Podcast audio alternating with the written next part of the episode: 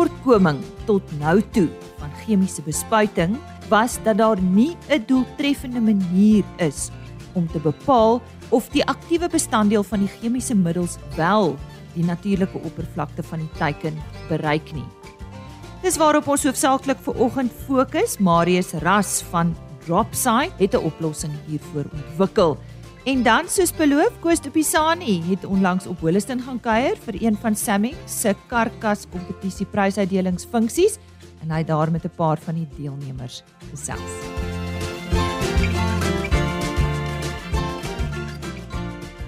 Dis dan wat vandag op RC Landbou is. Goeiemôre van my Lise Roberts. Die landbou is vandag baie afhanklik van chemiese middels. Trouwens, die Food and Agricultural Organisation van die Verenigde Nasies beraam, daar kan 'n verlies van soveel as 48% in produksie verwag word as landbouchemie nie gebruik word nie.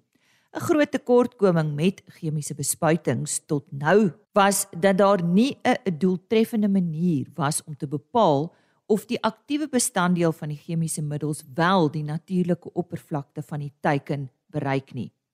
Daar is egter nou 'n eenvoudige en verbruikersvriendelike metode waarmee akkuraat bepaal kan word of 'n chemiese middel se aktiewe bestanddeel wel die natuurlike oppervlakte van die teiken bereik.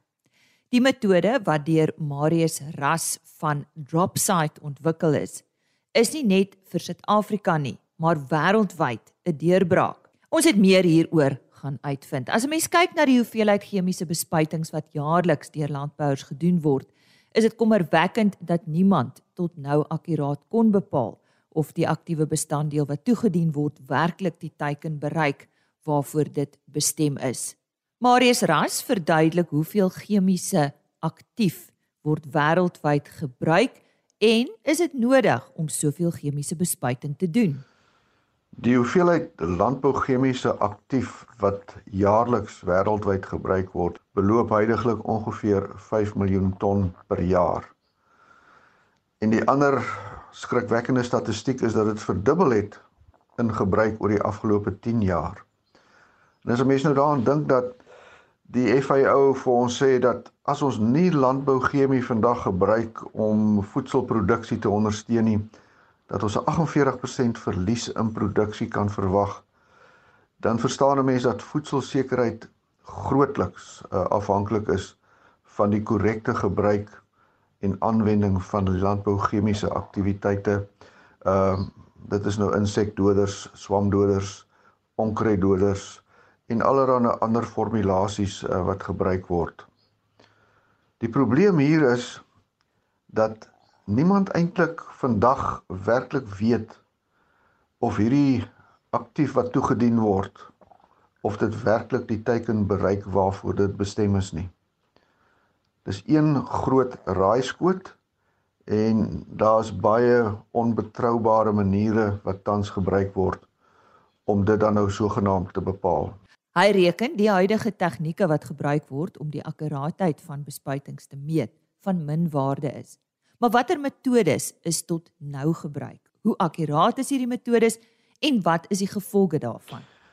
Sommige van die die huidige metodes en tegnieke wat gebruik word om om hierdie um, aanduiding te kry van of ons toediening van die landbouchemiese produk op die teikenoppervlak dan nou enigstens aan enige vorm van behoefte voldoen is maar eerstens uh, om te kyk letterlik visueel te kyk of die blare sogenaamd nat is.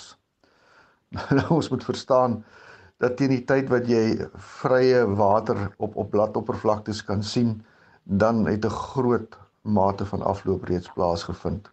En dit bring allerlei ander komplikasies mee soos byvoorbeeld kontaminasie van grond en grondwater. 'n uh, Ander een byvoorbeeld is dat afloop uh potensieel veroorsaak uh uh MRL opbou op die onderkant van die teiken en afkeuring van gewasse. Selfs fitotoksisiteit uh, is is ook 'n realiteit. 'n Ander tegniek wat baie gewild is vandag nog is om watersensitiewe papier te gebruik. Dis 'n geel papiere wat spesifiek ontwikkel is om blou te reageer en te verkleur wanneer in kontak kom met water. Nou hier is twee probleme. Die een is dit is nie die nie die natuurlike oppervlak wat geëvalueer word nie. En as 'n mens verstaan dat druppelgrootte in jou spuitspektrum van rondom 100 mikron, 120 mikron het so 80% kans om op die eerste impakpunt op 'n natuurlike oppervlakte te deponeer. Druppelgrootte van 250 mikron het 'n 45% kans om nie op die eerste impakpunt te deponeer nie, maar weg te bons en iewers anders te beland. En druppelgrootte van 350 mikron het die eienskap dat hulle bons en bars en 'n baie klein gedeelte so min as 20% van daai gebarste druppel deponeer op die eerste kontakpunt. Dan verstaan 'n mens dat huidige tegnieke eintlik maar van geen waarde is om te bepaal of die formulasie wat vervat is in hierdie druppel. Onthou die druppel bestaan uit 'n mengsel van formulasie wat die chemiese aktief bevat en water en dat daar eintlik maar nie 'n tegniek is om dit te bepaal huidigelik nie. Die ergste van alles is meeste mense dink nooit eers daaraan om te wonder hoe effektief hulle toediening was nie. Die nuwe metode wat hy ontwikkel het, sny al die tekortkominge uit. Die metode is eenvoudig, vinnig en kan in die boord gedoen word. Hy vertel ons meer daarvan. Die ontwikkeling van Dropsite was my hoogste prioriteit na letterlik 40 jaar se betrokkeheid in die bedryf om effektiwiteit van toediening na te vors, ontwikkelingswerk te doen, selfspuittoerusting te ontwikkel. En die lyn wat regdeur geloop het tot vandag toe was, hoe evalueer ek my spuitdeposisie effektiwiteit van die formulasie? So in vir die Februarie verlede jaar, 2021, het ek met 'n kollega uit die elektroniese ingenieursbedryf, ek self is 'n meganiese ingenieur, het ons koppe saamgesit en soos ons in ingenieursterme sê 'n proof of concept gedoen aan onsself dat daar wel 'n moontlikheid is om hierdie deposisie analises prakties en fisies te kan doen. Hierdie is 'n vergelykende tegniek wat ons ontwikkel het en hierdie tegniek fokus op die deposisie van die formulasie en beantwoord die vraag wat dan nou gevra word van hoe effektief is die huidige deposisie van die formulasie op die natuurlike oppervlakte. Ons het op die 25ste Januarie 2022 die produk gekommersialiseer en aan die bedryf bekend gestel. En kortliks werk dit as volg: Ons gebruik 'n volledig wateroplosbare ultraviolet opspoorder wat dan met baie spesifieke golflengte ultraviolet lig in 'n klein laboratorium belig word. Ons noem die laboratorium die kommersiële naam is die Leaf Lab en hy is omtrent so groot soos 'n 'n laptop as ek nou die Engels mag gebruik en die produk wat die as die as die opspoorder dien die fluoreserende opspoorder noem ons UV. En hierdie uh UV uh, vloeistof fluoreseer in die wit spektrum wat beteken dat ons dit baie baie akkuraat en met baie hoë resolusie kan optel met vandag se moderne selfoonkameras. En dit is waar die sleutel in die slot gepas het, die feit dat selfoontegnologie tot op hierdie punt nou so ontwikkel het dat beide die kwaliteit van fotos sowel as die hantering en verwerking van data op die sogenaamde cloud of dan 'n wolk nou 'n moontlikheid is. En ons sal dus dan nou die proses deurvat deur die uh die U-view in ons spuittank aan te maak nadat ons die spuit gekalibreer het, maar baie belangrik voordat ons enige chemie in die tank sit. U-view moet nie met enige chemie gemeng word nie.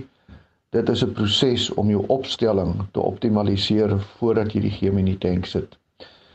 Dit word met 2% oplossing gedoen, so as jy 100 liter skoon water argumentsonthaalwe onder in jou tank het, 2 liter U-view daarin, Dit word effens aangemeng met die roeders van die spuit en jy gaan spuit jou proef.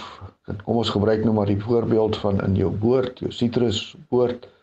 Jy spuit 5 of 10 bome weerskante, wag dat dit droog geword het, met ander woorde die water verdamp het en nie die formulasie oorbly.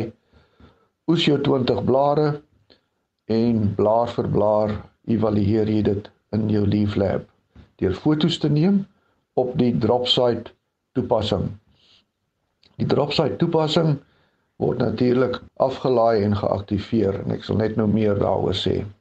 Die vermoë van hierdie toepassing dan is om die fotos onmiddellik in die cloud op te neem, dit te analiseer, die data vir jou daar te stoor en wanneer jy jou 20 foto's klaar geneem het vir die vir die eh, een proefneming, dan vra jy dood eenvoudig met die druk van 'n knop hierdie verslag aan en binne enkele sekondes sal jy die verslag ontvang wat vir jou die opsomming gee van hoe effektief die verwagte toediening was. Hierdie is vandag die enigste, die eerste manier, dis 'n gepatenteerde produk, Suid-Afrikaanse patent waarop ons baie op waarop ons baie trots is en dit gee vir ons die vermoë om onmiddellike resultate in die veld daar te stel om voordat ons chemie in die tank sit seker te maak dat ons verwagte deposisie op aanvaarbare vlakke sal wees. En wat is die voordele van hierdie nuwe metode wat hy ontwikkel het? Mense kan sekerlik die gevoel kry dat die voordeel hiervan om nou die raaiwerk uit ons effektiwiteit van deposisie as gevolg van 'n spesifieke opstelling daai raaiwerk uit te haal en ons risiko's daar rondom te verklein, kan dan mens sekerlik die afleiding begin maak dat die die waarde toevoeging hiervan in die groter prentjie gaan natuurlik daar rondom dat ons die risiko op swak biologiese uitkomste beter bestuur hierso. Natuurlik onaanvaarbare residiefvlakke as gevolg van te hoë vlakke van toediening in sekere areas, akkumulasie van die die spuitmiddel daar. Uh ook natuurlik chemiese verliese word hierdeur beperk. Ons het in die begin gesê dat ons nie 'n idee het waar in die spuitmiddel gaan nie. Nou kan ons dit meet en ons kan werklik kwantitatief bepaal of die produk wel die teiken bereik het en nie die risiko van grond en grondwater kontaminasie ondersteun dit nie. Hierdie eh, tegniek uh, en die gebruik van dropsite kan ook die optimalisering van die uh, gebruik van chemiese formulasies in die handwerk en uh, dan nou ook natuurlik kan ons dit gebruik om adjuvante en byvoegmiddels se effektiwiteit te evalueer voordat ons dit net aanwend. Vir die wat betrokke is in die ontwikkeling van spuit toedieningsapparatuur is dit 'n geleentheid om spuittoerusting ehm uh, se effektiwiteit te evalueer voordat dit aan die mark bekend gestel word. Die belangrike ding dis hier is is dat dropsite in die veldproses is. Dus dit word in werklike tyd gedoen. Dit gee vir jou beide visuele en kwantitatiewe data in die verslag om jou besluite uh, op te baseer rondom die effektiwiteit van jou spuitdeposisie. En so sê Marius Ras van Dropsite.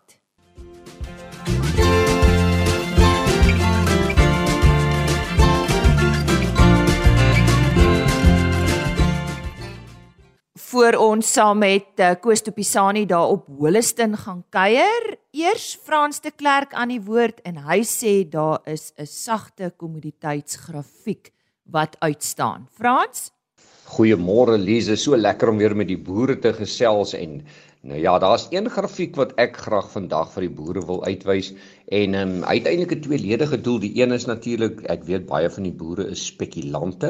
Hulle soek so af en toe 'n geleentheid in die sagte kommoditeitsmark en daar's eintlik 'n rede daarvoor. Hulle wil eintlik hulle boerdery se winste so bietjie beskerm of baie keer 'n kans neem op die sagte kommoditeitsmark omdat hulle daardie mark so goed ken en 'n geldjie daarin te maak om iewers 'n gat weer toe te stop en dan aan die ander kant baie van die boere gebruik grafieke om hulle beplanning rondom hulle oeste te doen en dan gebruik hulle daardie grafiek om te bepaal moet hulle van die oes verkoop of dalk 'n oes se moontlike opbrengs wat gaan kom uh vasmaak en daaruit geld te maak sodat hulle die beste moontlike prys kan benut. Maar hier is een grafiek wat nou baie duidelik uitstaan en dit is die koring grafiek En um, ek kyk sommer nou na die nabye kontrak want hy loop aan. Hy hy sluit nie maar meestal is hy nou gefokus op die September en veral die Desember pryse.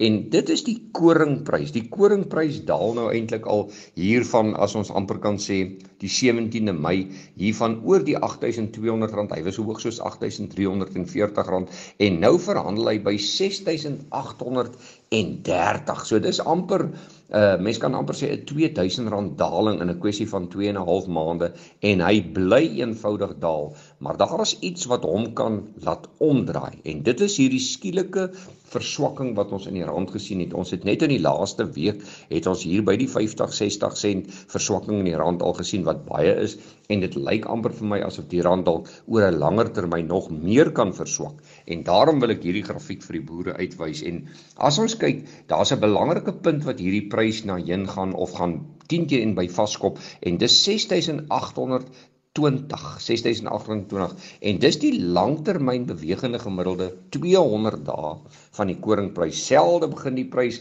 eintlik terug beweeg so inteen ons het 'n vorige keer gekry waar die prys naby aan daai gemiddelde gekom het en dan daarvan af 'n pragtige loopie gegee het. En dit was in uh Februarie 20022. Dis so 'n paar maande terug, so 6 maande. So ons is presies nou weer daar. So vir boere wat kyk na 'n geleentheid op die spekulante kant, sê vir jou dat die eerste teken van sterkte gaan wees hierbo 6974 en indien jy daar koop, gebruik 'n keerverlies van 6814 om jou kapitaal te beskerm En die ander kant is as jy dalk nou nog koring op die land het of koring in store het, dan dink ek is dit nou die laaste tyd om hom te verkoop. Jy moet dit nie verkoop nie.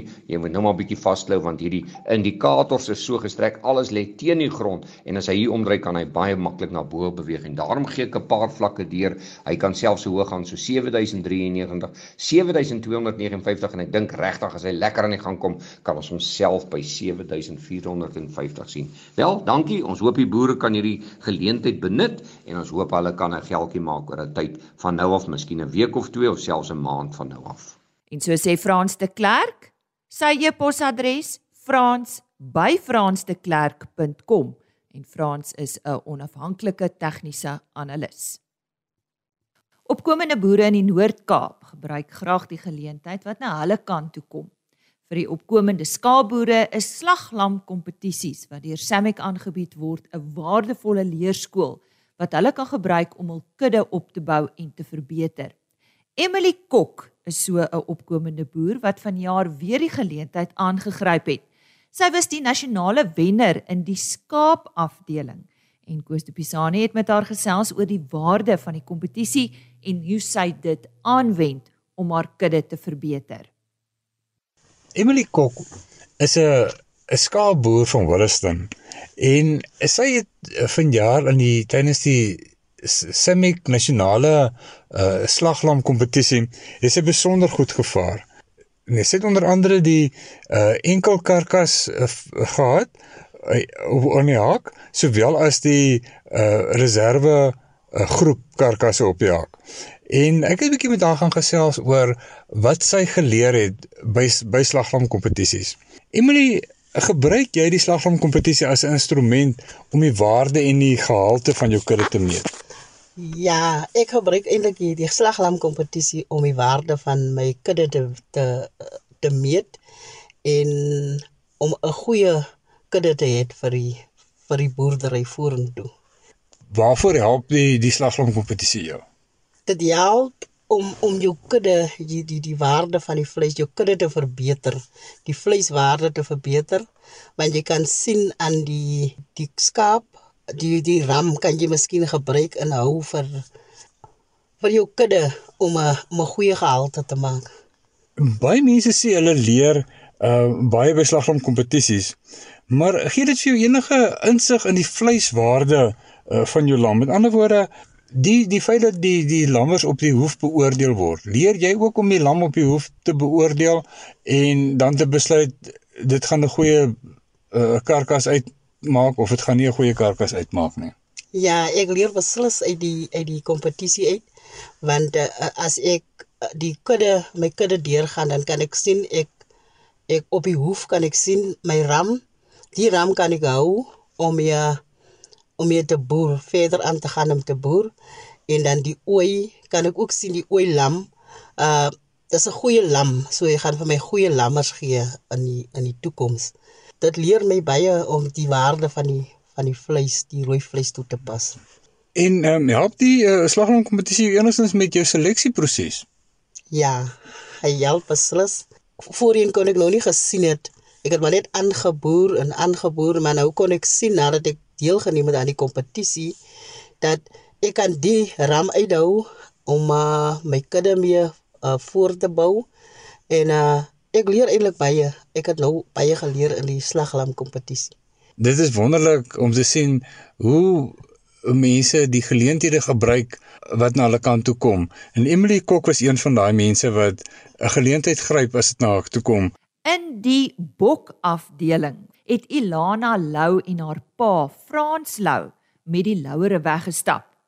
Koos het ook met hulle gesels. Ek gesels met Ilana Lou. Sy is eintlik 'n tandarts van Kimberley, maar sy boer sou ook saam met haar pa op Holliston en hulle het baie goed gevaar in die uh, bokafdeling uh van die semi kompetisie. Uh, Ilana, met watter rasse boer julle? Ehm um, ek boer met Kalahari Reds en my pa het ook baie ander vee op die plaas. Hulle het skape, dorpers en dan het hulle ook boerbokke, maar ek en my pa boer saam met die Kalahari Reds. Jy het nou nie semi kompetisie deelgeneem. Hoe voel jy oor die oor die semi kompetisies? Is dit die moeite werd om deel te neem? Ek dink definitief is die moeite werd. Dit is maar 'n kans wat jy vat. Dit is nie elke jaar 'n goeie jaar nie, maar ja, jy probeer altyd. Ek gesels ook met haar pa, uh, Frans Lou. Frans, ehm uh, wat is julle geheim om sulke klas lammers te kan bemark? Uh kos dit gaan maar eintlik oor oor bouvorm wat wat vir jare geselekteer is. Dis 'n ander storie om by 'n skou te kom waar jy mooi vir elite bokke gaan, maar ons gaan absoluut vir vleisproduksie, dis waarop ons alles gefokus is.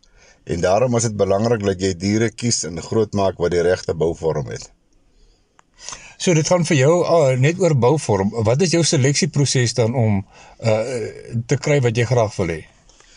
Kyk, ons gaan natuurlik glad nie daarvoor in om bokke na skoue toe te vat wat jy nou uh, tipe 5 bokoeie en sulke klas goed by skoue het nie. Ons produseer vleis. Ons het 'n slaghuis in Kimberley, so vir ons gaan dit uh, uit uit daaroor vir die dier wat die meeste vleis kan dra. Watter bok uh, ras gebruik julle dan om die meeste vleis te kan dra? Uh, kos daar is eintlik geen verskil tussen die boerbok en die Kalahari Red nie. Maar ons het maar besluit op die Kalahari Red omdat hy nie omdat hy 'n redelike skaars uh, tipe bok in Suid-Afrika is. Ek wil amper sê ek skat uh, vir die totale bokbevolking. Dis nou wat ek raai glo ek is daar seker nie meer as uh, 25 of 30% Kalahari Red nie. En ons het maar op dit besluit en dit kom ons maar aangaan met die Kalahari Red.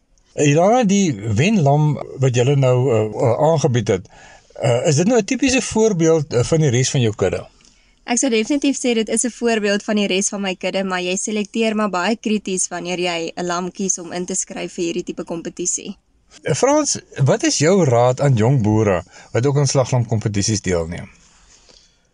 Dit is altyd lekker om jouself te kan meet veral in 'n gemeenskap soos Williston wat 'n klein gemeenskapie is, maar aan die einde van die dag gaan dit daaroor dat as wat Simik vir ons moontlik maak dat jy op nasionale vlak met alle boere kompeteer oor die hele Suid-Afrika. So selekteer jou bokke vir vir enige foute, maar selekteer uit te uit vir bouvorm vir diere wat vleis dra. Want aan die einde van die dag is die karkasmassa wat jy van van jou bok kry gaan bepaal wat die waarde van jou bok aan die einde van die dag is hoeveel vleis hy werklik dra. Dit was Elana en Frans Lou wat so gesels. Hulle was onder die wenners tydens die nasionale semi karkas kompetisie wat op Holliston aangebied is. Nou Julian van Wyk is 'n goeie bokboer in die Holliston omgewing en hy het vanjaar uitstekend presteer tydens hierdie kompetisie. Koos het met hom gesels oor sy boerdery en oor die prestasie wat hy behaal het. Julian van Wyk, 'n jong opkomende boer van Holliston, Nou hy is 'n 'n krangige bokboer. Julian het die reserve 'n enkel karkas gehad, sowel as die reserve groep karkas onder die bokboere. Ek gesels met hom vandag om uit te vind wat beteken slaglam kompetisies vir hom. Julian, waarom neem jy deel aan slaglam kompetisies? Slaglam kompetisie is daar altyd sal ek sê nie net om iemand anders te wen maar ook om vir jouself te motiveer ook om jou boerdery goed te motiveer. Sal ek sê as ek nou beslaglams kompetisie sal ek sê nou sal ek nou sê dat kyk jou jou karkas gehalte moet van dit moet van 'n goeie goeie gehalte wees. Kyk, daar's meer mense wat hou van jou karkas met bietjie vet aan dit. Daar's meer mense wat hou weer meer vleis aan dit. So wat ons by by semi leer is dat jou karkas moet hy, hy moet mooi gebalanseer wees, mooi af mooi afgerond wees. So jy moet dan goed aandag gee aan aan jou karkas, aan aan jou diere. En dis wat wat vir ons wat dit vir ons so so mooi maak dat dat jou karkas baie baie goed afgerond moet word. En sal jy sê jou deelname aan die slaglam kompetisie het vir jou 'n goeie waarde gegee om te bepaal wat die behoefte van die verbruiker is en hoe om jou boerbok boerdery vorentoe te neem? Ja. Ek sal sê ek sal vir myself dit het my baie goeie waarde gegee om my uh sal ek sê aan die kompetisies waardes en vorentoe te vat. Jy, jy moet baie tyd spandeer. So dit dis eintlik maar die sleutel. Jy moet goeie tyd spandeer aan aan jou diere, aan jou karkas. En kyk waar kan jy bietjie meer vleis aansit en minder, minder vet aansit.